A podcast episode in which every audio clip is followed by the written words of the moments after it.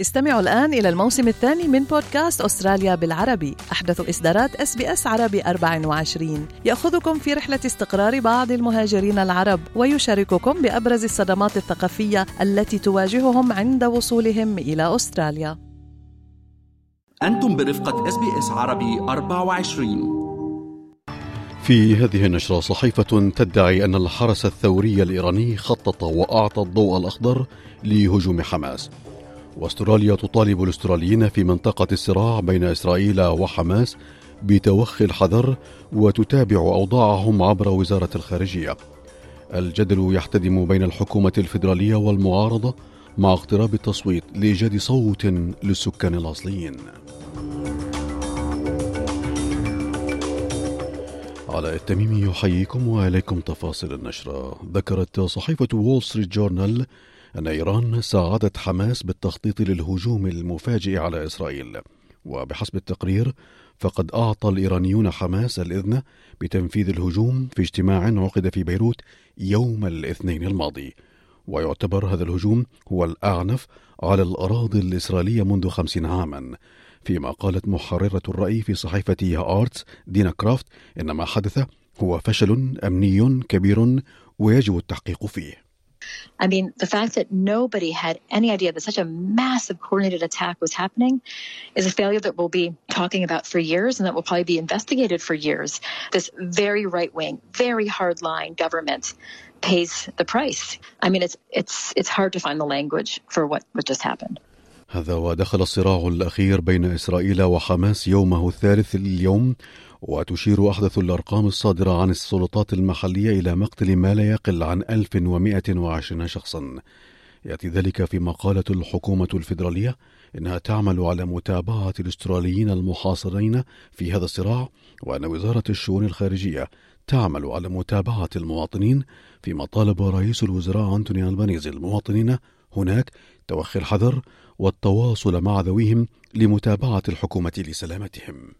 Uh, we have a number, um, 1300 555 135, that people can ring if they're concerned about friends or relatives uh, there who were visiting uh, the region. فيما دانت الحكومة الفيدرالية على لسان وزيرة الخارجية بيني وونغ إطلاق الصواريخ العشوائي واستهداف المدنيين واحتجاز الرهان. Australia unequivocally condemns the attack on Israel by Hamas. We unequivocally condemn the indiscriminate rocket fire, the targeting of civilians, and the taking of hostages, a particularly distressing and egregious act by Hamas. فيما دعا زعيم المعارضة بتردة الحكومة الفيدرالية أن تبدي أستراليا استعدادها لأي مساعدات عسكرية لإسرائيل في حال طلب منها ذلك. Australian government should stand ready to provide munitions or equipment uh, or defence material otherwise uh, if it's requested by Israel, and we should make it known to Israel that the Australian government is prepared to provide such support if it's requested. هذا وتواصل القوات الإسرائيلية قصف قطاع غزة فيما حذر رئيس الوزراء الإسرائيلي بنيامين نتنياهو من حرب طويلة صعبة أما في لبنان فقد أعلن حزب الله إطلاق عدد كبير من القذائف المدفعية والصواريخ الموجهة على المنطقة المتنازع عليها في مزارع شبعة فيما أفاد الجيش الإسرائيلي صباح الأحد قصفه بطائرة مسيرة للبنية التحتية لحزب الله. في مصر قتل إسرائيليان ومصري عندما أطلق شرطي مصري النار على وفد سياسي سياحي إسرائيلي وسط الإسكندرية فيما دان عدد من أعضاء مجلس الأمن الدولي أمس هجوم حماس رغم أن الولايات المتحدة أعربت عن أسفها لعدم وجود إجماع في الاجتماع الطارئ الذي عقده المجلس فيما شبه المبعوث الإسرائيلي لدى الأمم المتحدة جلعاد إيردن الهجوم بأحداث الحادي عشر من سبتمبر This is Israel's 9-11 and Israel will do everything to bring our sons and daughters back home. These images are horrifying. They are hard to see and they are impossible to fully internalize. فيما ردت حماس عبر متحدثها أسامة حمدان أن المستوطنين لا يعتبرون مدنيين ويجب ويجب النظر إليهم بطريقة مختلفة. you have to differentiate between the settlers and the civilians. The settlers, according to the international law, they are not civilians. They they attack the Palestinians. They, they in fact shooted against the Palestinians. So you have to differentiate between both issues, the civilians and the settlers. هذا ودعا زعماء عرب ضرورة تكثيف الجهود الدبلوماسية لتفادي تفاقم الأوضاع بين الفلسطينيين والإسرائيليين التي ستكون لها تداعيات خطرة على كل جهود التهدئة الشاملة وعلى أمن المنطقة واستقرارها فيما دعت المملكة المغربية رئيسة الدورة الحالية لمجلس جامعة الدول العربية على المستوى الوزاري إلى عقد اجتماع طارئ للمجلس على مستوى وزراء الخارجية العرب للتشاور والتنسيق بشأن تدهور الأوضاع في قطاع غزة واندلاع أعمال عسكرية. تستهدف المدنيين وللبحث عن سبل إيقاف هذا التصعيد الخطير. هذا وقد قالت وكالة غوثي وتشغيل اللاجئين الفلسطينيين الفلسطينيين الأونروا إن حوالي 74 ألف فلسطيني نزحوا إلى 64 مدرسة ومأوى تابع لها في قطاع غزة. وطالبت الأونروا بحماية المدنيين في جميع الأوقات والتوصل إلى وقف فوري لإطلاق النار مشددة على ضرورة تجنيب المدارس وغيرها من البنى التحتية المدنية بما في ذلك تلك التي تأوي الأسر النازحة.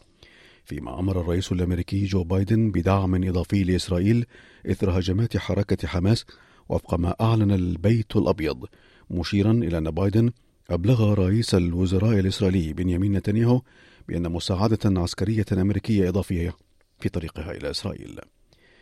في شأن محلي وبينما يحضر زعيم المعارضة في ولاية تزمينيا. أظهر استطلاع جديد للرأي أن تزمينيا هي الولاية الوحيدة التي لديها أغلبية من الناخبين التي ستصوت بنعم. فيما قال زعيم المعارضة بيتر داتون إنه لا يأخذ استطلاعات الرأي على محمل الجد.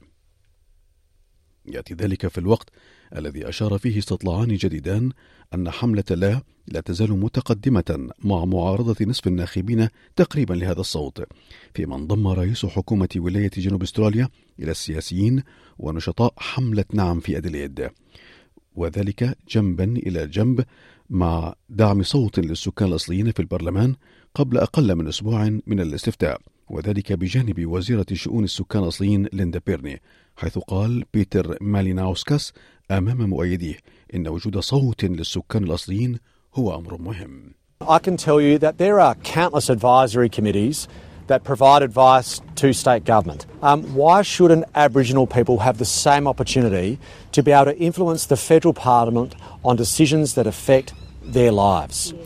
It is, it is nothing short of a great tragedy that the very people who have been custodians of our land for over 65,000 years are also the same people who represent the most disadvantaged community in our society. في ولاية نيو ساوث ويلز تبدأ مدارس الولاية اليوم حظر استخدام الطلاب للهواتف المحمولة داخل الفصول الدراسية فيما قالت السلطات التعليمية أن المدارس الثانوية ستحظر الهواتف المحمولة خلال ساعات الدوام المدرسي وقالت وزيرة التعليم في الولاية برو كار أن الحظر سيحسن النتائج التعليمية للطلبة We have done this, and as a key election commitment for the Labor opposition, now Labor government, to make sure that we can improve the focus and concentration of our young people in front of our wonderful teachers.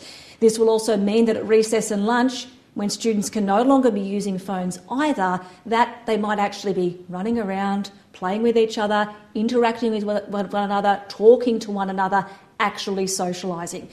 في أسعار العملات بلغ سعر صرف الدولار الأسترالي مقابل الدولار الأمريكي 63 سنتا أمريكيا في أخبار الرياضة تم تأكيد خروج أستراليا من الدور الربع النهائي لكأس العالم للرجبي على الرغم من فوز البرتغال وكان أمل أستراليا الوحيد في الاستمرار حتى الدور ربع النهائي يعتمد على فوز البرتغال على فيجي بأكثر من 70 نقاط. الآن درجات الحرارة المتوقعة ليوم غد فهي كما يلي. في بيرث الجو غائم جزئيا 22 درجة. في أدليد مشمس 25 في ملبورن غائم جزئيا 17 هوبرت غائم 17 في كامبرا غائم جزئيا 22 في سيدني أمطار متوقعة 22 بريسبن مشمس 27 داروين أمطار متوقعة 34 درجة مئوية. كانت هذه نشرة الأخبار. قرأها على حضراتكم علي التميمي من إس بي إس عربي 24 شكرا لإصغائكم. اضغطوا على ال like أو على ال share أو اكتبوا تعليقا. تابعوا إس بي إس عربي 24 على الفيسبوك.